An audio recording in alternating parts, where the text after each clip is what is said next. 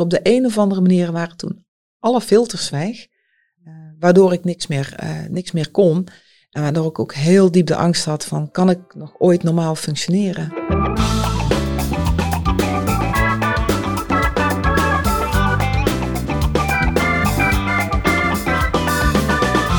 Welkom uh, bij de Verhalensmeders, de podcast waar inspirerende verhalen worden gedeeld. En dit keer is het thema groeien door tegenslag. Je hebt niet altijd uh, te zeggen waar je wiegje staat. En soms overkomen je gebeurtenissen in het leven waar je leven op de grondvesten staat uh, te schudden.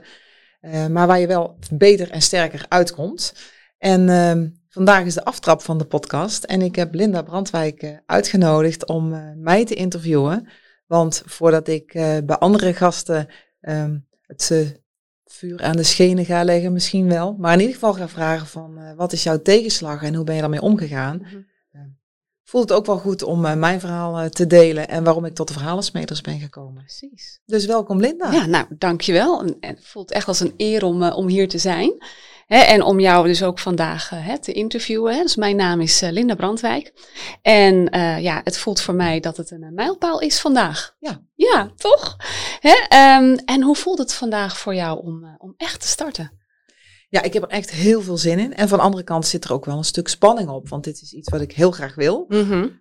um, en waarvan ik denk van ja, ik heb ook de regie niet nu, hè? dus die mm -hmm. mag ik uit handen geven. Jij gaat mij interviewen, terwijl ja. ik uh, normaal gesproken al aan de andere kant zit en de vragen stel.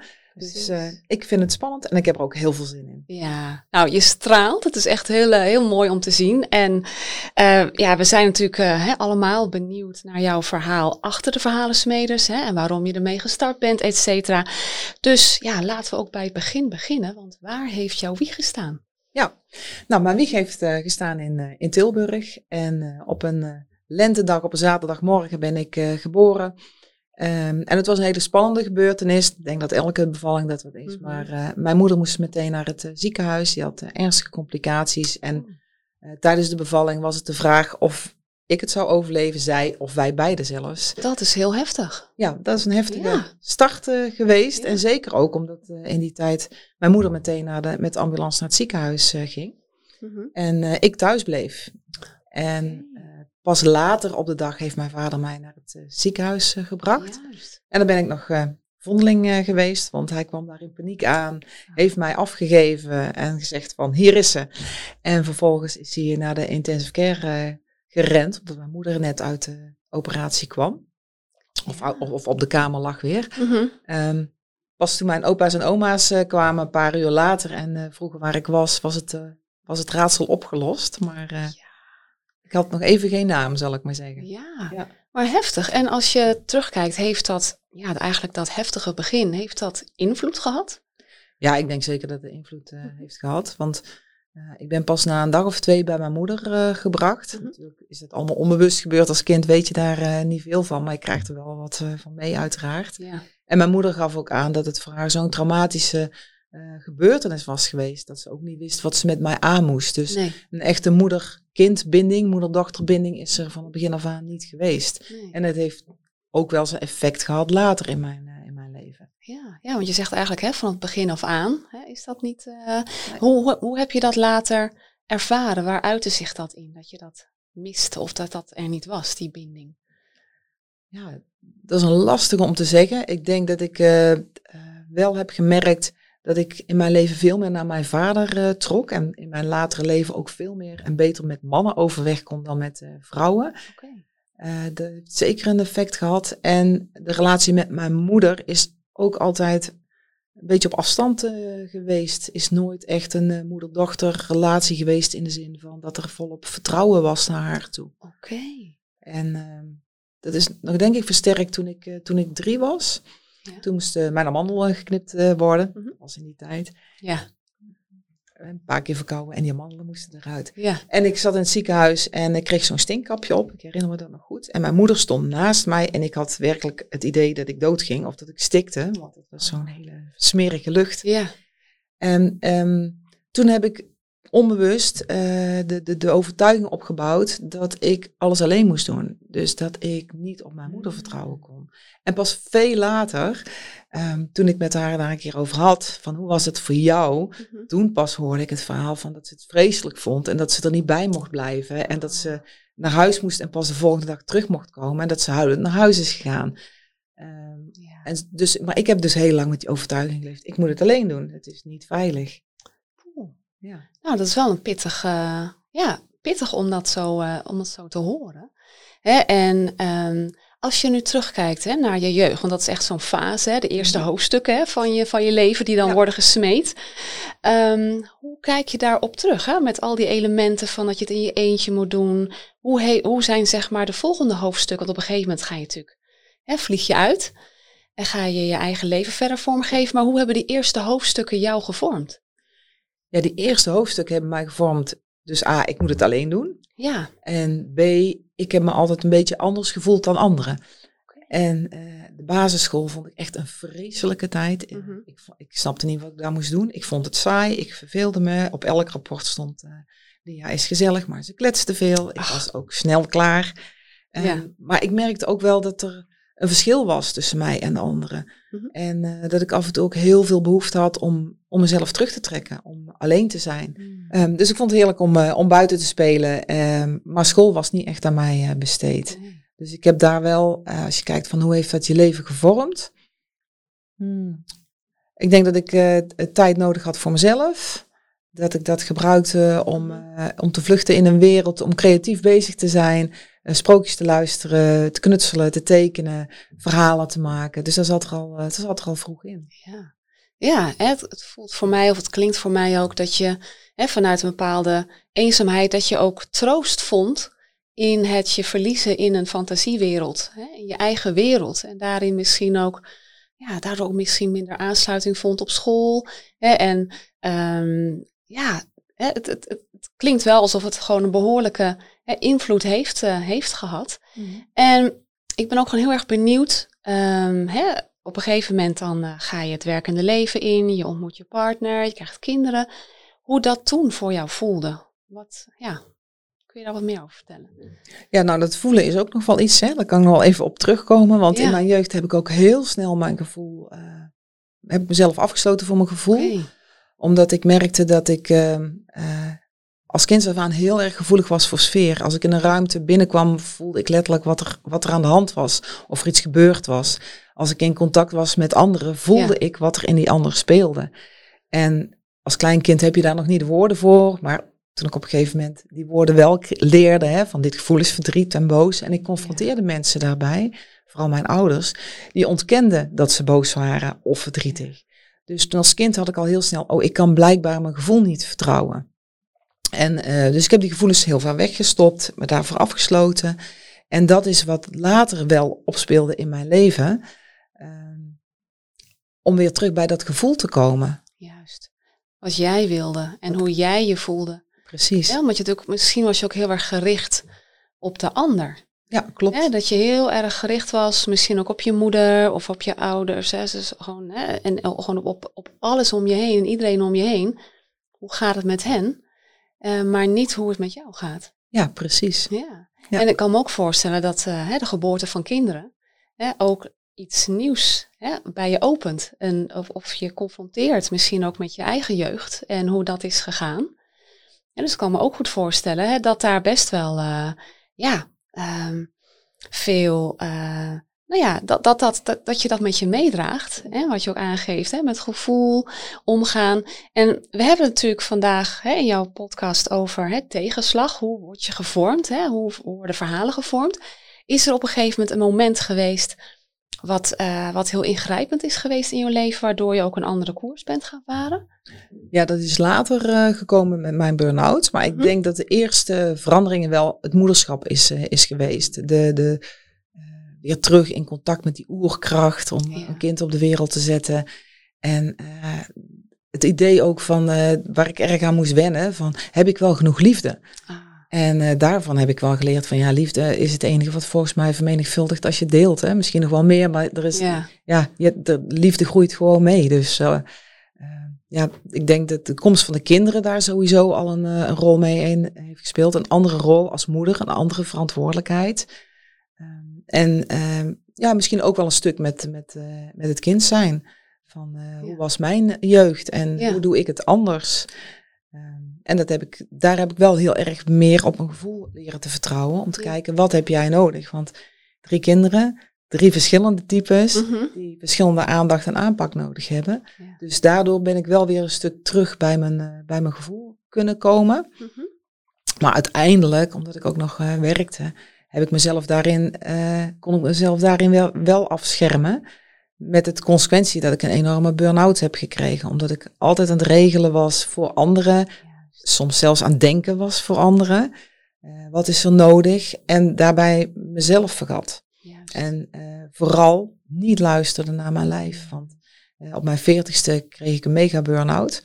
Die ik echt um, uh, heb weggestopt. Want het is al jaren eerder, ik gaf mijn lichaam signalen ja. dat het mm -hmm. niet goed ging. maar ik dacht van ja, iedereen is wel eens moe en ehm, het zal allemaal wel meevallen. Ja. Tot die bewuste dag dat ik in een, met mijn team werkte. Waarvan twee mensen een burn-out hadden. Of in ieder geval wat langer thuis zaten. Ja. En ik had me als manager natuurlijk al lang verdiept in wat is een burn-out en hoe werkt dat en hoe kan ik die anderen helpen. En ik had zelfs al tests uh, gedaan, want op internet kon je wat tests doen van hoe sta je zelf. Mm -hmm. Dan kwam ik in het rood en toen dacht ik van, oh, die heb ik verkeerd ingevuld. En dit valt wel mee en dat valt wel mee. Dus dan eindigde ik toch wel weer in het, uh, in het groen. Dus ja, ik hield mezelf enorm voor de gek. En na de vakantie was er een overleg waarin een van de andere teamleden iets had voorbereid en dat niet goed had gedaan, waardoor de besluitvorming niet door, kon, door kon gaan. Mm -hmm. Ja, en toen um, kon ik dat niet zien als feedback, maar zag ik het echt als persoonlijke kritiek. Als aanval. Als aanval. Mm. En toen ben ik op mijn kantoor gegaan, deur dicht gedaan en op dat moment ging die telefoon. En ik kan dat moment nog zo goed herinneren. Ik denk, ik kan die niet oppakken. Wat moet dat ding? Ik weet niet wie aan de andere kant zit, maar ik weet wel dat ik enorm ontplof tegen degene die ik nu te woord ga staan. Zo. En uh, ja. dat is het moment dat een van mijn teamleden binnenkwam en dat ik zei, ja, ik kan het gewoon niet meer. Nee. En die zei, ja, wij roepen dat altijd, zorg voor jezelf, ja. gaat het wel goed? En uh, toen zei ik van, nou, ik, ik, het was vrijdag, ik neem, ik neem vrij en maandag ben ik er weer. Dus ik heb ja. tegen mijn baas gezegd, ik neem vrij. Maar nou, dat duurde een stuk langer dan, dan een weekend, ja, zal ik je zeggen. Precies. Ja.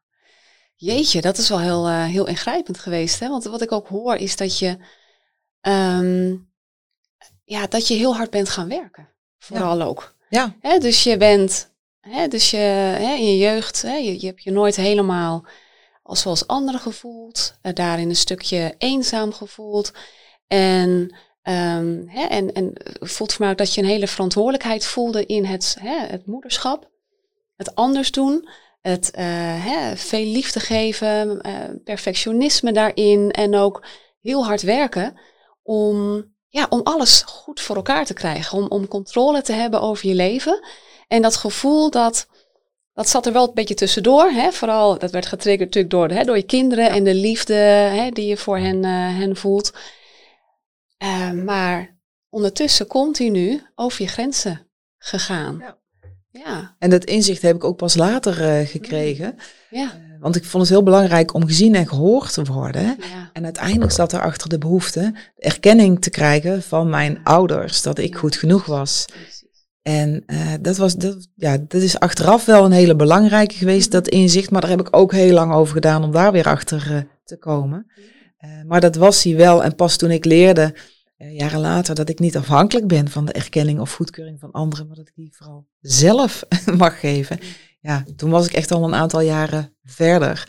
Want die burn-out is, uh, is echt wel een burn-out geweest. En ja, een traumatische gebeurtenis in je leven die, die je omzet in, in, een, in een succes of in anders leven, was bij mij zeker wel van toepassing. Want ik merkte dat ik uh, een aantal mensen op mijn pad trof die mij daarin stappen hebben laten zetten. Want in eerste instantie ben ik naar de huisarts gegaan.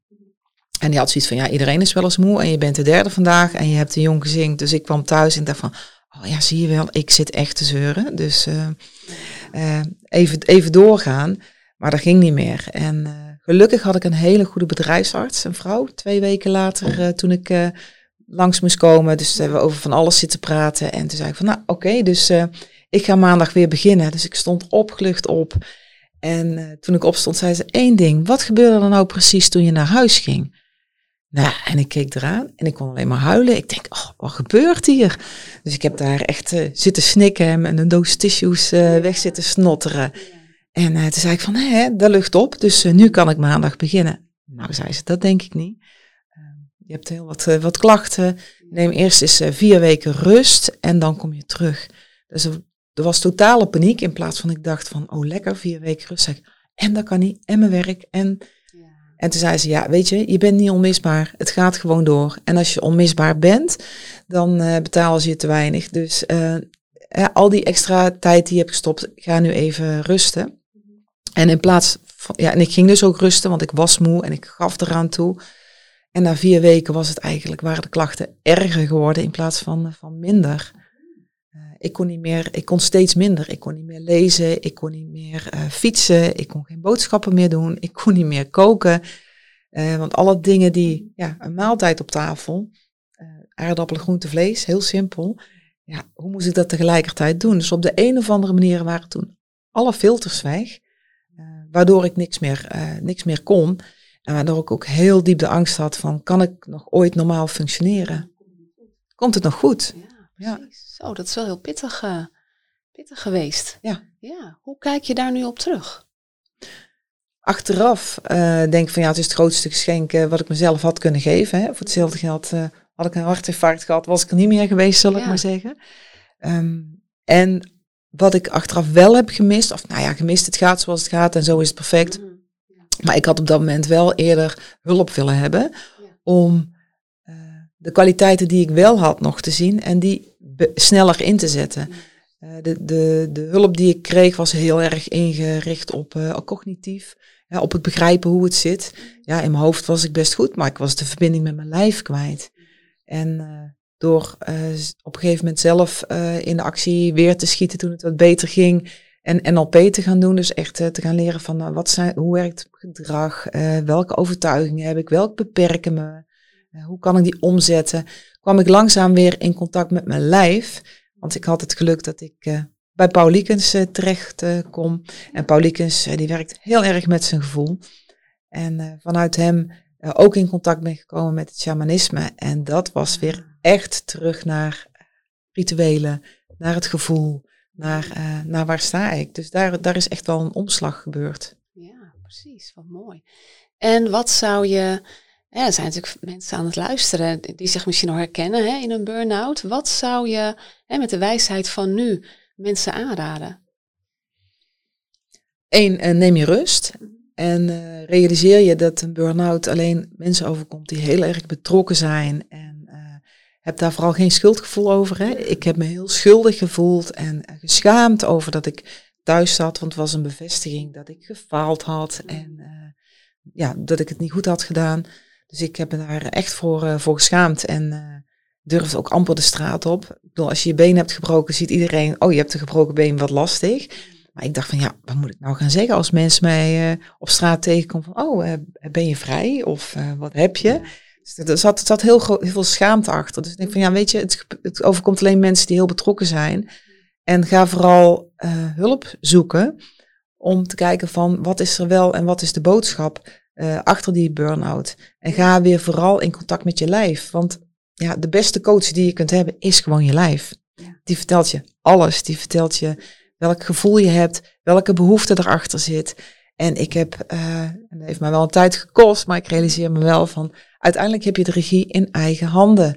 Uh, ga zelf, ik bedoel, ik kende de basisgevoelens, uh, bang, boos, blij. Mm Nou, daar zat dan nog wat laagjes onder. Ja. Maar door echt met uh, geweldloze communicatie aan de slag te gaan, leerde ik echt van hey, zelfempathie, zelfcompassie. Uh, en welke gevoelens heb ik en welke behoeften zit erachter. Ja. En door daar achter te komen en dat naar jezelf te herkennen in je lijf, ben je niet meer afhankelijk van anderen. Dus ik zou echt zeggen van uh, ga terug naar je lijf en vind de mensen in je omgeving die je verder kunnen helpen. Ja, mooi. Mooi om dat zo uh, te horen. Ik zie ook echt dat het uh, helemaal van diepst van binnen komt. hè, als je dat zo vertelt. En hè, toen heb je dus die burn-out heb je, hè, door, doorgemaakt. Um, wat heb je daaruit meegenomen? Uh, en ben je toen al, zeg maar, hoofdstukken anders gaan vormgeven in je leven? Heeft dat invloed gehad? Ja, dat heeft zeker invloed gehad. Mm -hmm. Ik ben echt ehm, op dat moment veel meer bezig geweest met een stuk persoonlijke ontwikkeling, ja. een stuk spirituele ontwikkeling. Er is meer tussen hemel en aarde. Ja. En ik voelde als kind al heel veel. En toen dacht ik van oké, okay, maar wat, ik mag het ook gewoon voelen. En ik mag ook kijken wat gebeurt er dan. En uh, dus daar heb ik echt een stuk uh, mee doorontwikkeld. En ik had het geluk dat ik met de shamanen uit Peru mocht gaan samenwerken. En dat is echt een omslag uh, geweest okay. in mijn leven. Ja. En dat was misschien dan meer een positieve gebeurtenis. Hè? Ja, Waar dat de... was zeker. Ja, na die burn-out zijn er bijna alleen maar positieve gebeurtenissen geweest. Omdat ja. ik echt wel het gevoel had van ik ga niet meer terug waar ik vandaan kom. En ik heb zoveel uh, bodems van de put geraakt. Mm -hmm. um, dat ik nu echt op de bodem sta. Want elke keer dacht ik, ik ben er. Ja. En dan ging er nog een laagje en nog een laagje. Dus toen ik echt op de bodem zat, mm -hmm. kon ik gaan staan. En vanuit daar kon ik mezelf weer oprichten en eh, gaan doen waar ik blij van werd. En wat bij mij paste. En afscheid nemen van dingen die niet meer pasten. En dat was gewoon een hele belangrijke voor mij. Ja, mooi. En voelde je toen ook minder eenzaam? Ja, voelde ik me minder eenzaam. Ja, de, die eenzaamheid is eigenlijk al een stuk eerder opgelost hoor. Want op het moment dat ik uh, Frank leerde kennen en uh, wij, -hmm. wij samen verder zijn gegaan, had ik echt wel een maatje voor, ja. voor het leven. Die, uh, mm -hmm. Hij heeft zijn eigen ding, ik heb mijn eigen ding. Ja. Maar hij heeft me altijd wel onvoorwaardelijk gesteund. En uh, dat was iets wat ik in mijn jeugd wel miste. Ja, precies. Dus wat dat betreft zijn we wel een twee-eenheid. We hebben onze eigen dingen, maar we hebben ook heel veel samen. Samen, ja. Dus die eenzaamheid was eigenlijk al vrij vroeg in mijn leven weg. Want ik ken, we hebben elkaar ontmoet toen we 15 waren. Dus, dat is al, ja. ja, dat is al lang dan, ja. Ja, dat is al lang. Ja. Uh, dus die eenzaamheid uh, veranderde eigenlijk toen al wel. Mm -hmm. um, maar wat ik bij de shamanen wel heb geleerd, is dat er een andere manier van leven is die mij veel meer aansprak en die echt bij mij paste. Okay. Um, waar het gaat om de community. Het gaat om, ik, uh, ik doe wat goed voor mij is en voor het geheel. Dus als het niet goed voor mij is, als het goed voor mij is, maar niet voor het geheel, dan doe ik het niet. Okay. Dus dat vond ik een hele mooie. Yeah. En um, het, het, het mogen gevoelen, het mogen, sorry, mogen vertrouwen op je gevoel. Yeah. En uh, de energie die gedachten meebrengt. Dus dat je heel veel kunt creëren met je gedachten. Uh, dus die. Okay. Ja, dat vond, dat vond ik, ja, er zijn, er zijn dingen, ja, er zijn nog veel meer dingen. Uh, hun taal is, is, is veel mooier. Mm -hmm. Ze spreken Quechua, dus ik heb wat basis uh, Quechua okay. geleerd. Nou, om bijzonder. proberen te communiceren. Ja. maar het is een hele ingewikkelde taal. Maar wat zij heel mooi doen, wij hebben het heel erg hier over mijn huis, mijn vrouw, mm -hmm. mijn kinderen. Ja. in hun taal is dat niet ingebakken. Zij hebben het huis waar ik woon, de vrouw met wie ik ben, het kind dat bij mij leeft. Mm. Dus dat is sowieso al een ander uh, begrip. Ja, en ze staan heel erg voor de community, voor de gemeenschap. Mm. Dus ook daar uh, hebben ze dan de shamanen, de priester, de wijze man, de wijze vrouw. Uh, waar mensen om, om hulp gaan. En die uh, ook voor de community de dingen doet die ertoe doen. En daar ja. een bijdrage in levert. Ja. En daar leven ze ook veel meer vanuit hun, vanuit hun gevoel. En vanuit de verbondenheid met de natuur. Ja. Dus uh, ja, dat was voor mij echt thuiskomen. De rituelen, de manier van leven, de manier van denken. Ja. Ja. En voelde je daarin helemaal gezien en ook helemaal ja, je, thuis? En ja, uh, ja, ik ben ook heel benieuwd wat je daaruit hebt meegenomen. Wat, wat, hoe heeft jou dat beïnvloed in het en dan kom je weer in Nederland, waar, wij, waar we allemaal ja. weer over ik en, uh, en uh, onze ego's weer uh, ja. lekker laten zegenvieren. Um, hoe heb je, daar, heb je daar een weg in kunnen vinden? Ja, ik heb daar wel een weg in kunnen vinden. Ik zit nou heel even te denken hoor, want ik ben, ik ben even het, eerste deel van je vraag alweer kwijt. nee, maar maakt niet uit. Nee, maar het, het is ik vroeg in eerste instantie, hè, van, je voelde je daar heel erg thuis. Hè? Dus ja. voelde je daarin gezien? Je zei hè, dat je natuurlijk al op heel veel momenten in je leven dat je je niet altijd gezien voelde, dat je daardoor heel hard ging werken. En het klinkt voor mij alsof je daar een bepaalde rust vond. Dus ik ben benieuwd Ja, of je... Ik heb daar een rust gevonden. Mhm. In die zin van ehm, dat ik daar heb geleerd dat wij Ja. alleen maar verhalen vertellen. Ah, En ehm, zij gaan niet mee met het drama. Zij gaan niet mee met de eh, ziektebeelden die wij hebben. Zij hebben heel erg van. Kijk, op het moment dat jij je been breekt, ga je naar het ziekenhuis en je laat, en je laat een arts kijken naar wat er naar je been en je laat het helen. Op het moment dat jij eh, weer terugkomt, zeggen ze: ga naar de shamaan en ga energetisch kijken waarom je dit hebt gehad. Wat is de boodschap dat jij je eh, been breekt? Dus daar ga je kijken van wat is mijn beperkende overtuiging of waarom is me dit eh, overkomen. ja. En het mooie daarvan is dat zij nooit in het drama gaan zitten. Eh, ze hebben hier ook een opleiding gestart hè, in, in Nederland, waar zij hun kennis delen, ook in Zweden en in, in Peru uiteraard. En op het moment dat mensen komen met hun verhaal, met hun drama, en dat kan- was bij mij bijvoorbeeld mijn, mijn burn-out, ja. eh, of, of je, je bent ergens boos over of verdrietig. Eh, zij zijn heel simpel. Sit with it. Ga gewoon met het gevoel zitten. En wij willen ergens verklaringen voor. En we maken er een verhaal van. Dat we eh, de verkeerde ouders hadden, op de verkeerde tijd zijn Ja. geboren. En zij zeggen, ja weet je, je hebt ergens een gevoel in je lijf. En ga gewoon met dat gevoel zitten. Ja. En laat dat gewoon zijn.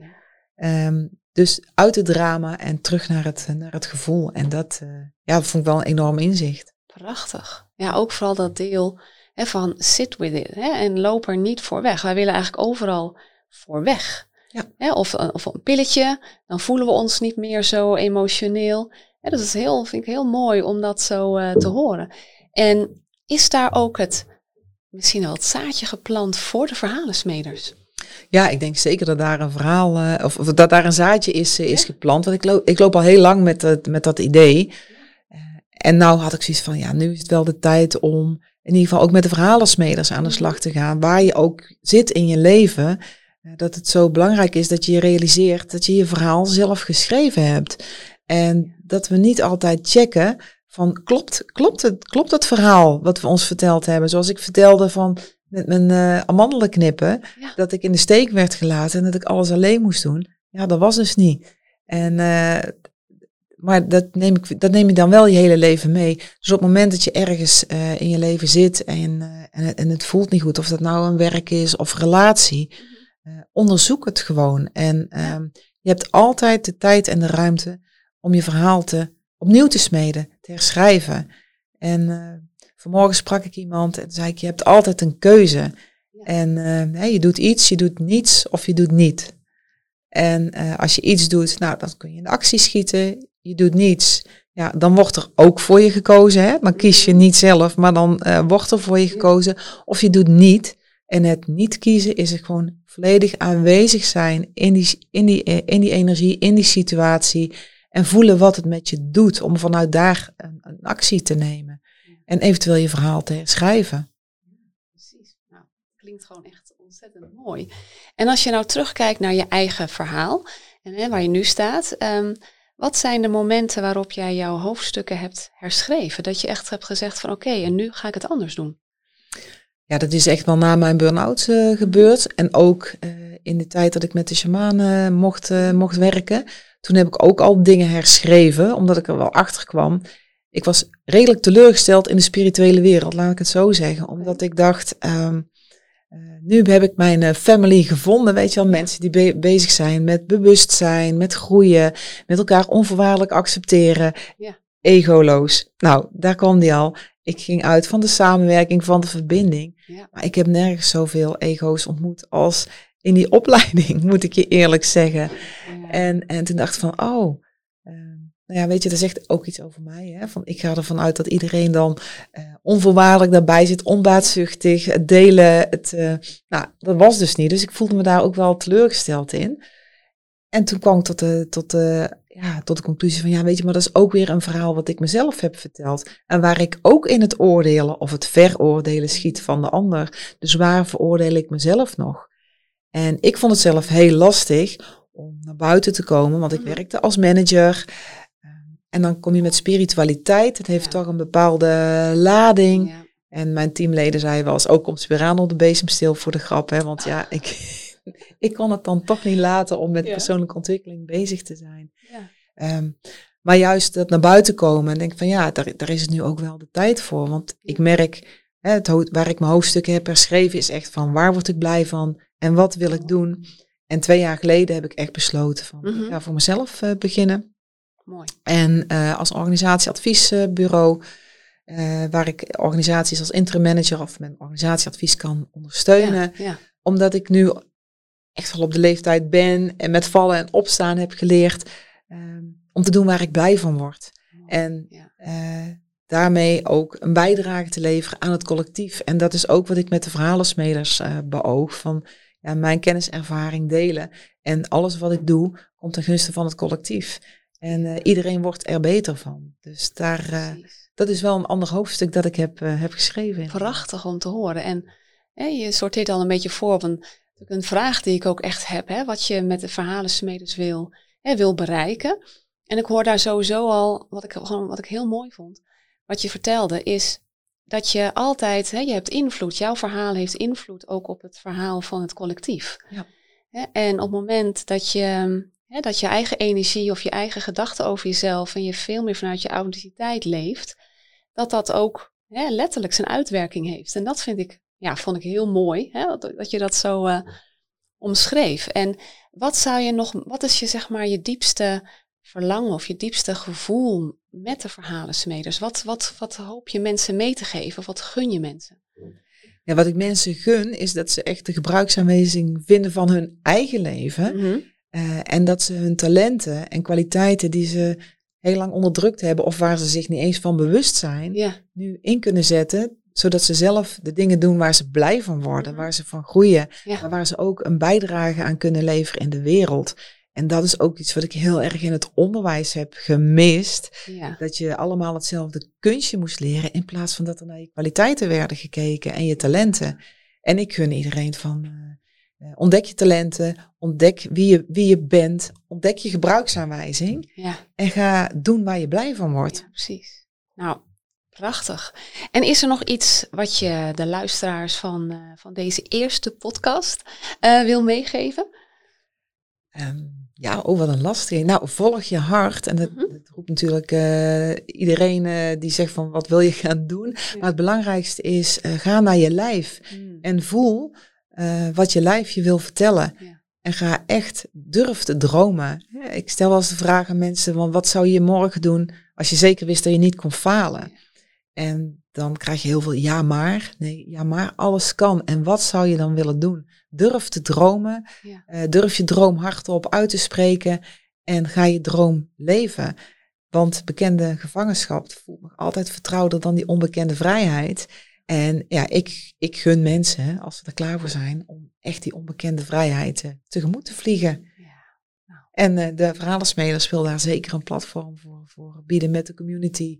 Maar ook met, eh, met trainingen of met weekenden. Ja. Ehm, voel je vooral uitgenodigd om je verhaal te herschrijven. Ja, prachtig. Nou ja, ik, ik vind het een heel mooi verhaal, jouw verhaal. En ook een heel mooie basis onder hè, de verhalensmeders, jouw eigen ervaringen, je persoonlijke, ja, ehm, letterlijk ook je ervaringen met hoe je door tegenslag kunt groeien. Hè, dat het je sterker kan maken, dichter bij jezelf kan brengen.